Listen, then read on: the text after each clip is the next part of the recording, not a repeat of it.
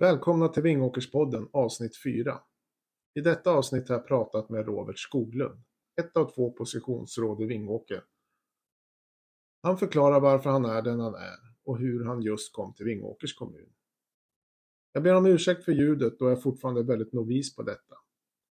Men i avslutningen har jag fått hjälp av min vän Andreas Casado med ljudet. Det är även hans komposition som hörs i bakgrunden. Så jag hoppas att framöver kommer ljudet att bli mycket bättre. Med detta sagt så hälsar jag er åter välkomna och hoppas ni kommer att njuta lika mycket som jag gjorde när vi pratade med Robert Skoglund. Nu kör vi!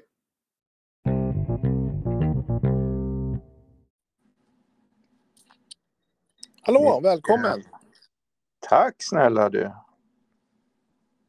Vad kul att du kunde vara med. Ja, nöjet är helt på min sida. Ja, så där då. Då hälsar jag dig välkommen till Vingåkerspodden. Så nu tänkte jag att du skulle få förklara för lyssnarna vem du är. Ja, vem är jag då? Jo, jag är, jag är en man född 65 på Söder uppe i Stockholm. Och, och numera som sagt var bor jag ju här nere i Vingåker och sen, ja vad kan det bli, 15-16 år tillbaka i tiden. Eh, bor här tillsammans med min man som jag är gift med sedan många år tillbaka och vi har tre fina barn som vi som vi försöker att skapa en meningsfull uppväxt för. Ja, det låter ju bra. Ja. Okej, okay, och hur hamnade ni just i Vingåker? För jag antar att ni var tillsammans eller gifta när ni flyttade hit, eller? Ja, jo, men det var vi ju. Eh, nej, vi alltså, man har bott i Stockholm i hela mitt liv som jag har gjort så, så blir man lite trött på, sån, på att bo inne i den heta smörjan som är i en huvudstad. Så då tyckte vi att landet skulle vara, det var någonting som lockade. Ett hus på landet med, med åkrar och ängar och, och en liten sjö någonstans i närheten. Och så hittade vi ett sånt hus och då bestämde vi oss för att ja, men nu flyttar vi ner hit. Sen var det så att min sambo då, han, hans föräldrar fanns ju här i Katrineholm då, ganska i närheten och hans syster så att vi tittade åt det här hållet och därför, ja, då blev det, det blev Vingåker. Ja, det är fantastiskt. Vingåker ja. är ju bäst om man jämför med Katrineholm. ja, så kan det vara. Du. Ja. Nej, men alltså, vi har ju inte ångrat det någon gång att vi flyttade hit och uh, får bo på så fint ställe som ändå Vingåker är, tycker jag. Så att vi trivs jättebra här. Ja, men nu bor ni ju inte vid åkrar och ängar och en sjö. Nej, för när, när väl våra barn kom då kände vi så här att ja, det är ju fint att bo där ute på, på landet. Men det var verkligen ute på vischan som man säger i Stockholm och, och, eh, och då kände vi att nej, men vi behöver komma in i samhället för barnens skull, alltså, så att de har nära till sina kompisar och sådana saker som man lätt kan sticka iväg till dem utan att föräldrarna ska behöva köra och, och, och säga nej till sånt. Så då, då flyttade vi in till Vingåker istället och vi hade hittat ett annat litet fint hus som vi tyckte om. Och, eh, så där bor vi nu och det, ja, vi har gjort stora renoveringar på det huset så att det har blivit precis som vi vill ha det. Ja, jo, det har jag sett. Den bästa renoveringen eller tillskott, det är ju solcellerna om du frågar mig. ja, det jag gillar inte nu när det snöar, att det, för det, då får jag ingen effekt när det är massa snö på, på solcellerna. Men annars är de bra. Då tickar det in mycket energi och eh, drar ner elräkningen betydligt. Ja. ja, det kan vi diskutera någon annan gång. Eh, ja. Eller, ja, det vet ju du att då kan det bli timmar. Men eh, vilket parti företräder du och varför? Och har du alltid varit samma parti?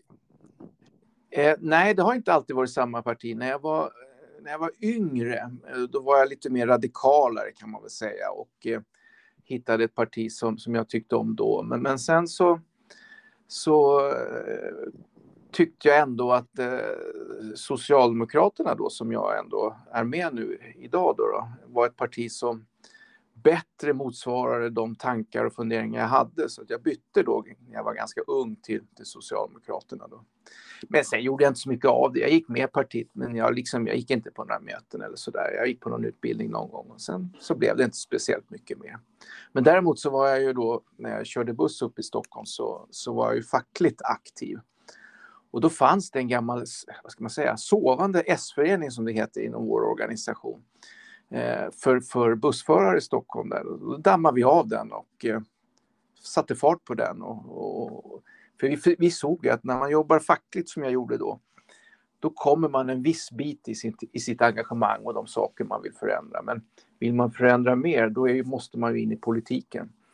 Eh, och när vi då drev igång vår S-förening, då kunde vi också driva frågor mera indirekt mot vårt parti och påverka partiet till, till att göra de förändringarna och förbättringar som vi tyckte att vi såg att man behövde göra. Ja, och det lyckades ni med det, tycker du? Eh, jo, det gjorde väl både ja och nej, ska vi väl säga. Det är klart att, att eh, det är inte så att partiet kan bestämma vilka, vilka arbetsscheman vi ska ha eller hur, hur, hur mycket pauser man har rätt till eller hur vårt arbetsschema, hur man kör bussen egentligen sagt ska göra. Utan, utan det är ju mer de här övergripande sakerna och vi var ju med på den här um, tiden eh, på 80-talet när och det var ju faktiskt Socialdemokraterna som var med på den tiden att eh, man tyckte att eh, man skulle ha privata eh, bolag som skötte det där och då la man ju buss, var ju ganska tidigt ute som då på den tiden var landstinget som jag anställdes för någon gång 1986 när jag började köra buss. Då var man landstingsanställd men sen privatiserade man och det var ju faktiskt vi som gjorde det. Och det där gillade inte vi eh, och vi försökte ju påverka vårt parti men, men Partiet vill ändå eh, lägga ut vissa delar på den privata marknaden. Och det ser vi ju nu under årens lopp sen, sen, sen slutet av 80-talet då när det där blev att eh, det, det, det blev inte alltid så bra. Och det blev framförallt inte så bra för dem det handlade om, det vill säga de som skulle jobba i de här verksamheterna inom busseriet. Där, där bussbolagen då under upphandlingar tävlade om att vara billigast. Och eh, de som vann eh, upphandlingarna eh, fick ju göra sina besparingar och det blev ju på personalen naturligtvis. Vi skulle köra fortare, vi skulle köra mera och vi skulle ha mindre raster, eh, vilket var ganska förödande. Och det var ju därför vi hade i Stockholm på den tiden, kanske inte alla kommer ihåg, men vi strejkade ju faktiskt och den, den kallades ju för bussförar, KISS, bussförarstrejken. För att det handlar om att vi måste få kunna gå på toaletten under ordnade förhållanden, vilket inte var då. Den kommer jag ihåg.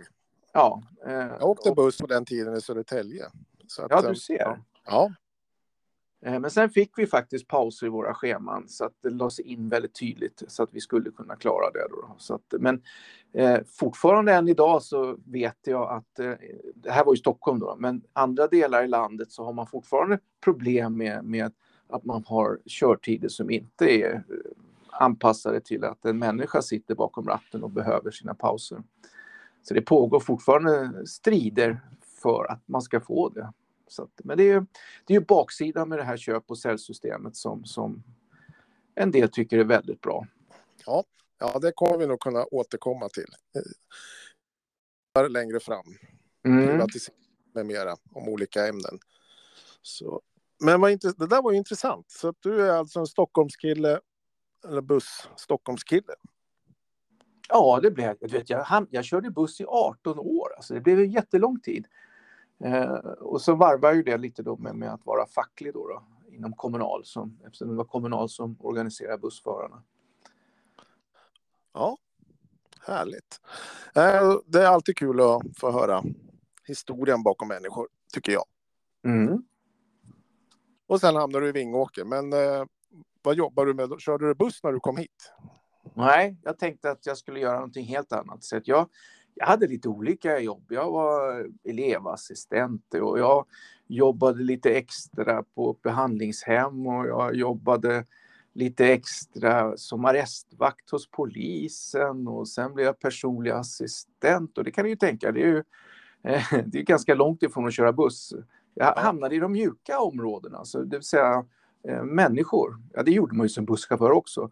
Men det var ju inte de här nära mötena när man körde buss som det blir när man jobbar som ja, arrestvakt eller personlig assistent eller något sånt där. Så att jag gjorde väldigt eh, helt annorlunda saker i livet när jag började i Vingåker. Ja, Nej, och det, ja, då är väl vägen till politiken ganska enkel, för det handlar ju bara om människor egentligen. Förhandla med andra partier, prata med medborgare, jobba för ja. människor. Ja, men precis. Eh, och jag minns ju när jag gick in på mitt första medlemsmöte här i Vingåker och tittade på folket som satt där. Jag tänkte jag går in på ett möte bara så får jag se vad det är för några. Så jag talade om, här, här är jag, här finns jag och har ni någon nytta av mig så, så, så är det bara att använda mig. Ja. Eh, och det tyckte man ju tydligen, eh, har jag förstått. Att man tyckte man skulle använda mig för ja, man är ju där man är idag nu. Ja, och vad är du idag?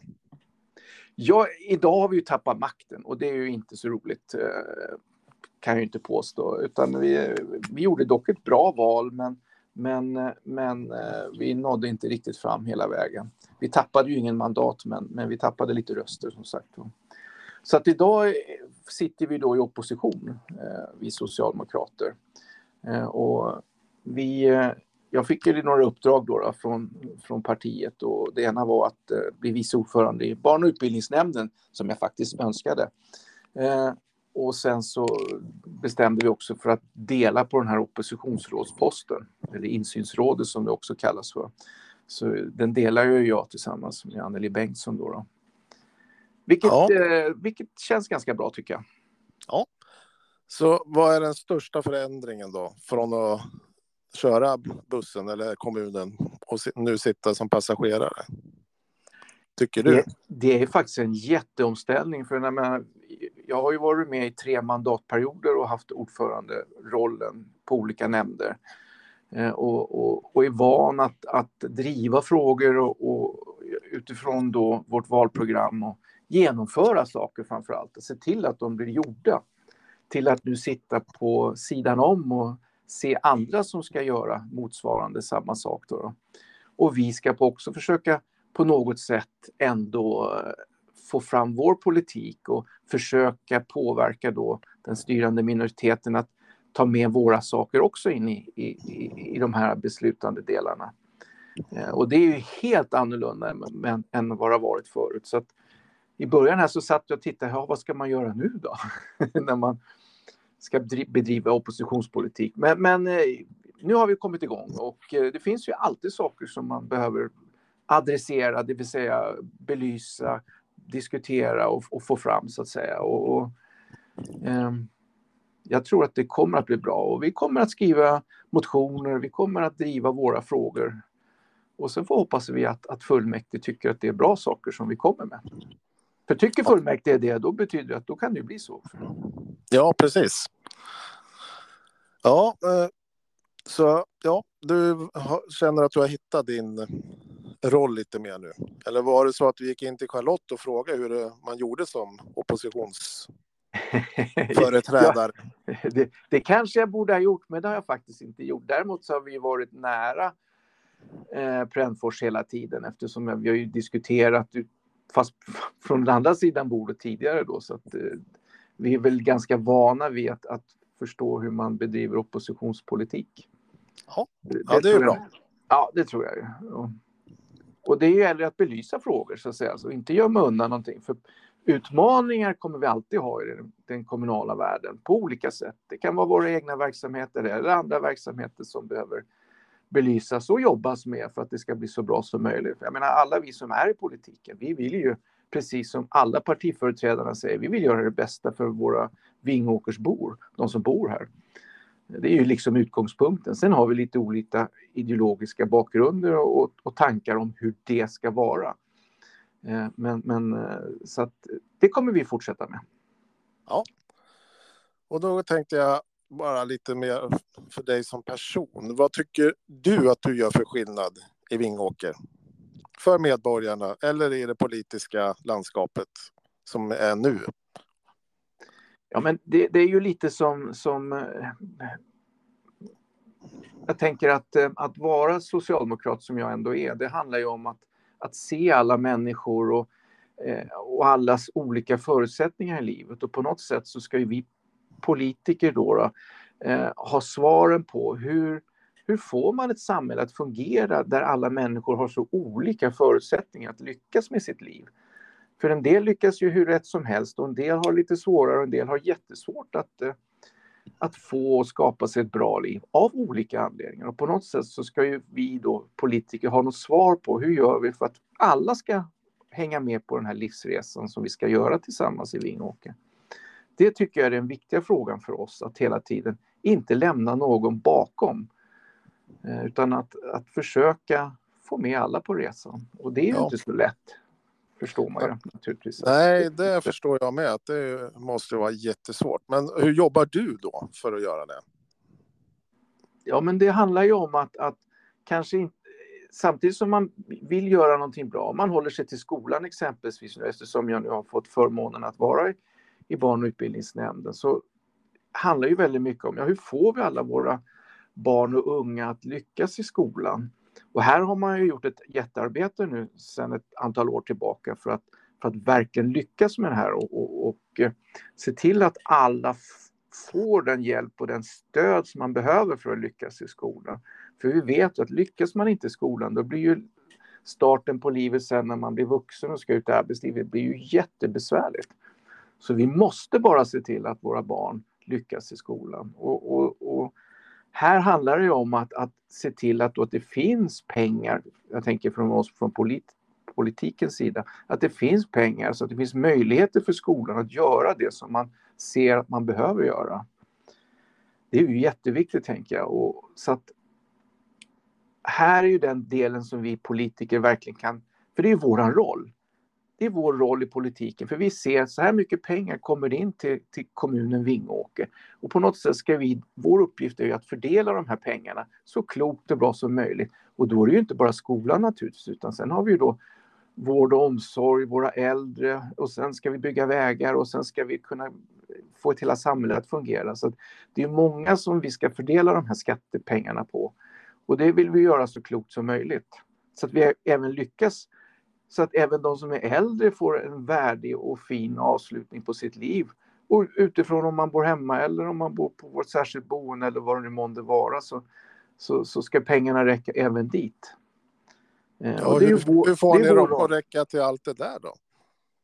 Ja, men alltså det är det politiska verk att, att se. Behöver nu har vi lagt ganska mycket pengar på skolan i mandatperioden nu. För att vi vet att vi måste få satsa på ungdomarna och, och våra skolresultat tidigare var inte så bra.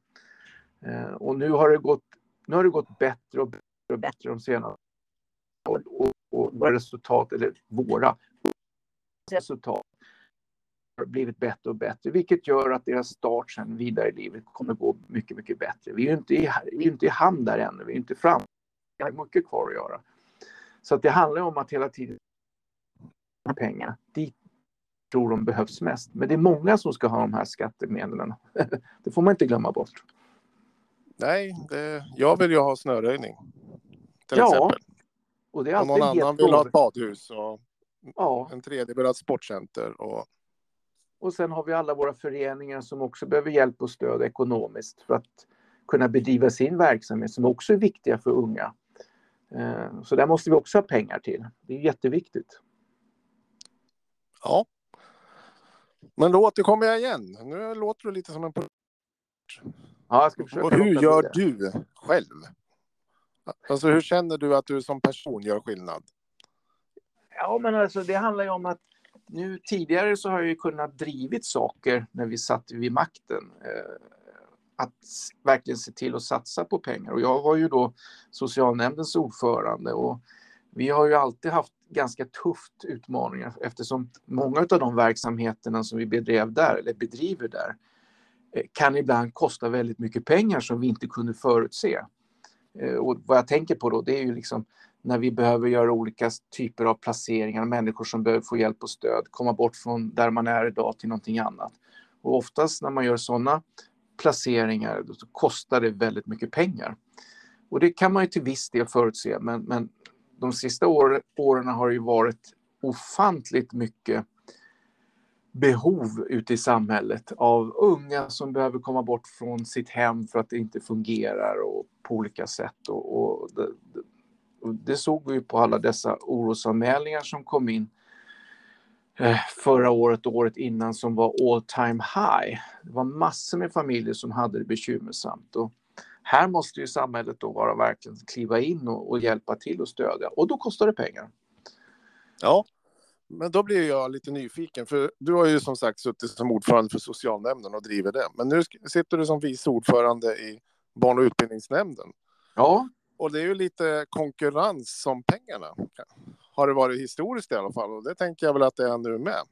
Ja, det kommer det naturligtvis vara. För, ja. för eh, Känner jag... du att du kan axla det att nu jobbar du mer aktivt för barn och utbildning? Ja, men det tror jag. Man, man, det är ju så att, att när man kommer in i en nämnd som vi politiker gör då, då, då, fokuserar man väldigt mycket på den. Men sen ska man komma ihåg att jag sitter ju också i kommunstyrelsen, jag sitter i kommunfullmäktige, vilket betyder att jag måste också ha ett, liksom ett helikopterseende över all verksamhet. Så det går inte bara att liksom dyka ner i barn och utbildningsnämnden och sen börja skrika högt och säga att vi ska ha pengarna dit. Va? Så fungerar ju inte saker. Man måste ha, ha ett större perspektiv. Men man får också en större förståelse för för, för, utmaningar som kommer. Jag menar, vi har ju liksom, eh, vi kunde ju se här nu i veckan hur, hur, hur vår friskola har granskats av, av Skolinspektionen och fått massor med kritik. Eh, vilket jag lyfter upp och säger det här måste vi ju prata om och, och vilka möjligheter har kommunen att, eh, att granska en sån verksamhet och det har ju inte kommunen egentligen. Nu förs det diskussioner på, på riks och eh, eh regeringen har ju det var ju en utredning kring friskolor som skulle gå ut på remiss här nu. Då plockar man bort ett av utredningsdirektiven, det vill säga insynen i friskolorna. Men nu, var, nu lyssnade man ju på kritiken och la tillbaka det utredningsuppdraget, det vill säga att, att ska kommunerna kunna granska friskolorna och på vilket sätt ska det i så fall gå till? Det går ju ut på remiss nu till, till, till remissinstanser, alltså intressenter som ska svara på hur det här i så fall ska gå till. För jag tror att det att det vore ganska bra att för samhället i stort att bara för att man är en friskola så betyder inte det att det är stängda väggar och samhället inte kan titta in och se hur verksamheten fungerar. Alltså gemene man. Eh, att Skolinspektionen gör det, det är ju ganska självklart. Och det här är en frågeställning som jag tänker vi behöver börja diskutera mer också även här i Vingåker. Eh, sen har jag ju ställt en interpellation till, till barnutbildningsnämndens ordförande vilken beredskap har vi om det inte fungerar så bra för, för Österåkers friskola och, och, och, och, det hemska skulle hända att Skolinspektionen stängde det. Hur tar vi emot då 55 barn som nu finns i deras verksamheter? Det är en jätteviktig fråga att kommunen, för det är, vår, det är vårt ansvar då när en friskola inte får fortsätta. Då ska vi ta hand om barnen och det är från dag ett. Jag kan ju tänka att det, är inte, det blir ingen enkel ekvation. Nej, jag blev väldigt förvånad själv, måste jag säga, att vi inte hade mer insyn som kommun. Ja, men det blev jag också, ska jag ju säga det. Jag trodde faktiskt att vi hade mera, att åtminstone kunde granska och titta på verksamheter, resultat, men det, det har man inte alltså. Det, och det tycker jag är jättemärkligt. Ja, det, det kan jag bara hålla med. Men nu hoppas vi att det ordnar sig. Att, ja, jag hoppas ju att naturligtvis att, att, att friskolan eh, fixar till de, de saker som inte fungerar som Skolinspektionen tycker och att man lever upp till kraven alltså, och att kan fortsätta. Det, då det, hoppas jag verkligen. Ja, så du känner nu att du klarar av att sitta på alla de här stolarna? För, ja, som jag tänkte i alla fall så kan det vara så. Ibland är det inte bra att veta för mycket och du vet ju väl allt om socialnämnden egentligen. Ja, jag vet ju väldigt mycket. Och nu byter du till den andra nämnden, för det är väl de två stora nämnderna i, i Vingåker mm. som tar de mesta pengarna. Mm. Men du minns, ju, du minns ju för tre mandatperioder sedan när du var barn och utbildningsnämndens ordförande. Då satt vi ju tillsammans där. Ja, jo, det är det jag tänker på lite. För visst, för ska man ha helikopterperspektiv och alltihopa, men sen man brinner ju extra mycket för sin egen nämnd. Jo, men så, så är det ju. Absolut. Det kommer man inte ifrån. Och ibland känner jag själv personligen att det är inte bra att veta för mycket om annat. Ibland vill man vara lite ovetandes. Ja, ja. Man blir lite mer som en ungdom som tror att man kan förändra världen med att skriva ja. till statsministern eller man bara gör så här så ordnar sig allting. Ja, precis. Och när, när ungdomar ställer frågan, men varför är det så? Varför kan inte jag bara så här? Det, då blir det så här, ja, varför kan vi inte göra det? Varför ska allting vara så besvärligt och svårt? jo, för vi är vuxna och har konsekvenstänk och ja, har kunskaper om att det finns lagar och det finns eh, demokrati och det finns allt möjligt som Mm. ibland sätter käppar i hjulet. Fast ja, i grund och botten är det ju bra. Det jag menar är mer att man tar bort den här elden. Man släcker Mm. lite elden, det blir glöd istället. Mm. Som ligger och pyr. Mm. För det kommer jag ihåg med politik. Ibland tyckte jag det gick för alldeles för långsamt. Mm. Man vill ju att saker ska hända på en gång ibland.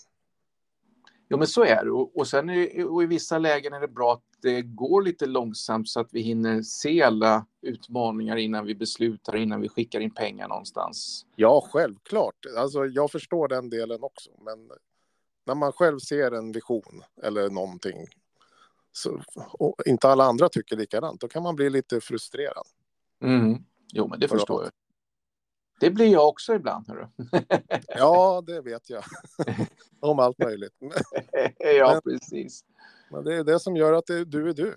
Ja, nej men precis. Och, och nu när man sitter i opposition då får man hitta nya saker. Och, och jag har redan skrivit min första motion. Jag har inte skickat in den ännu, men det ska jag strax göra nu.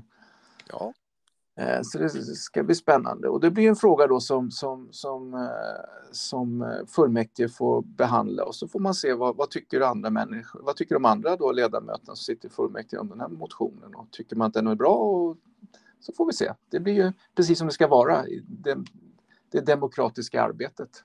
ja. Och eh, en sista fråga höll jag på att säga, det kanske kommer någon mer. Men hur ser du på det nya styret? Alltså det är ett väldigt minoritetsstyre egentligen. Ja.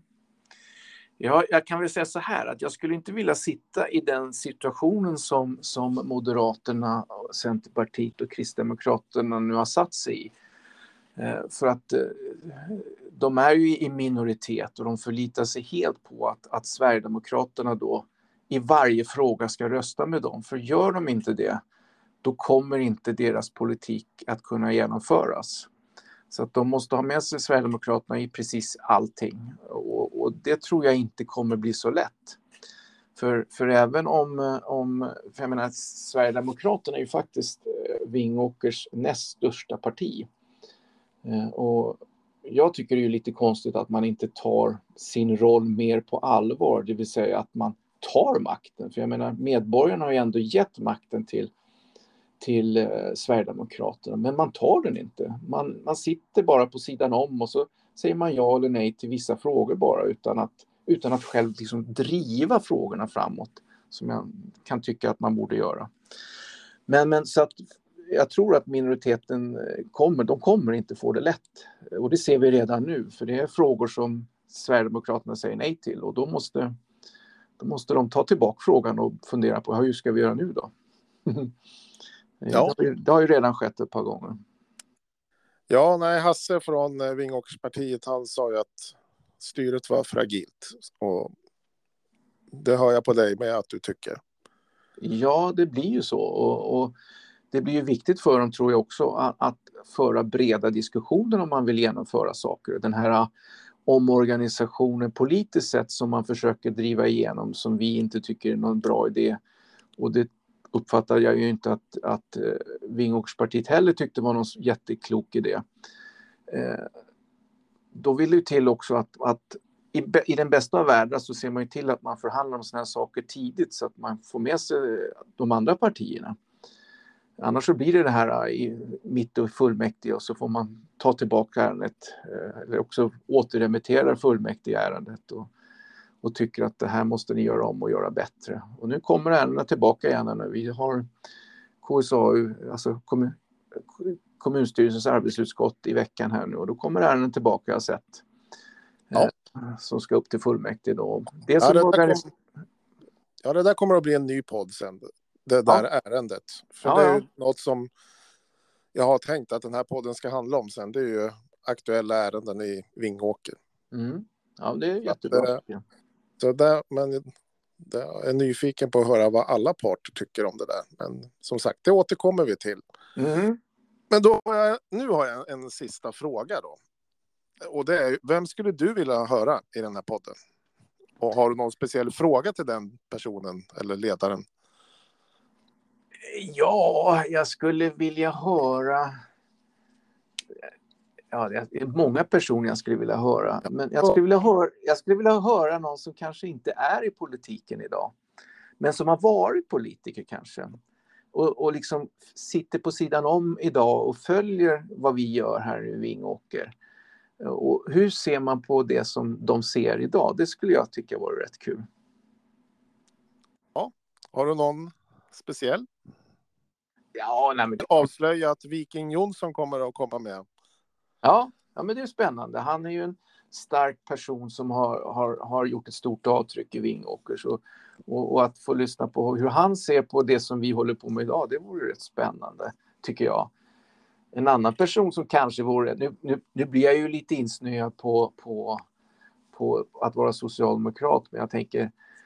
Eh, eh, Björn Blid är ju en sån person som sitter på sidan om idag och, och, och, men skriver lite insändare och sådär. Han kritiserar mig också emellanåt, vilket jag tycker är kul, för att det är ju det som är politikens roll, det är att diskutera frågor och, från olika håll och tycka lite olika. Ja. Han är en sån person som jag tycker skulle vara rätt intressant att höra. Vad ser han om politiken i, idag? Ja, men det lät intressant. Ja, det låter absolut som ett poddavsnitt. Säger jag tack Robert, så hörs ja. vi. Tack Stefan. Detta var Robert Skoglund. Ett av två positionsråd. Alltid lika engagerad och vill prata politik. Hans berättelse om den fackliga början skulle jag vilja gräva djupare i längre fram.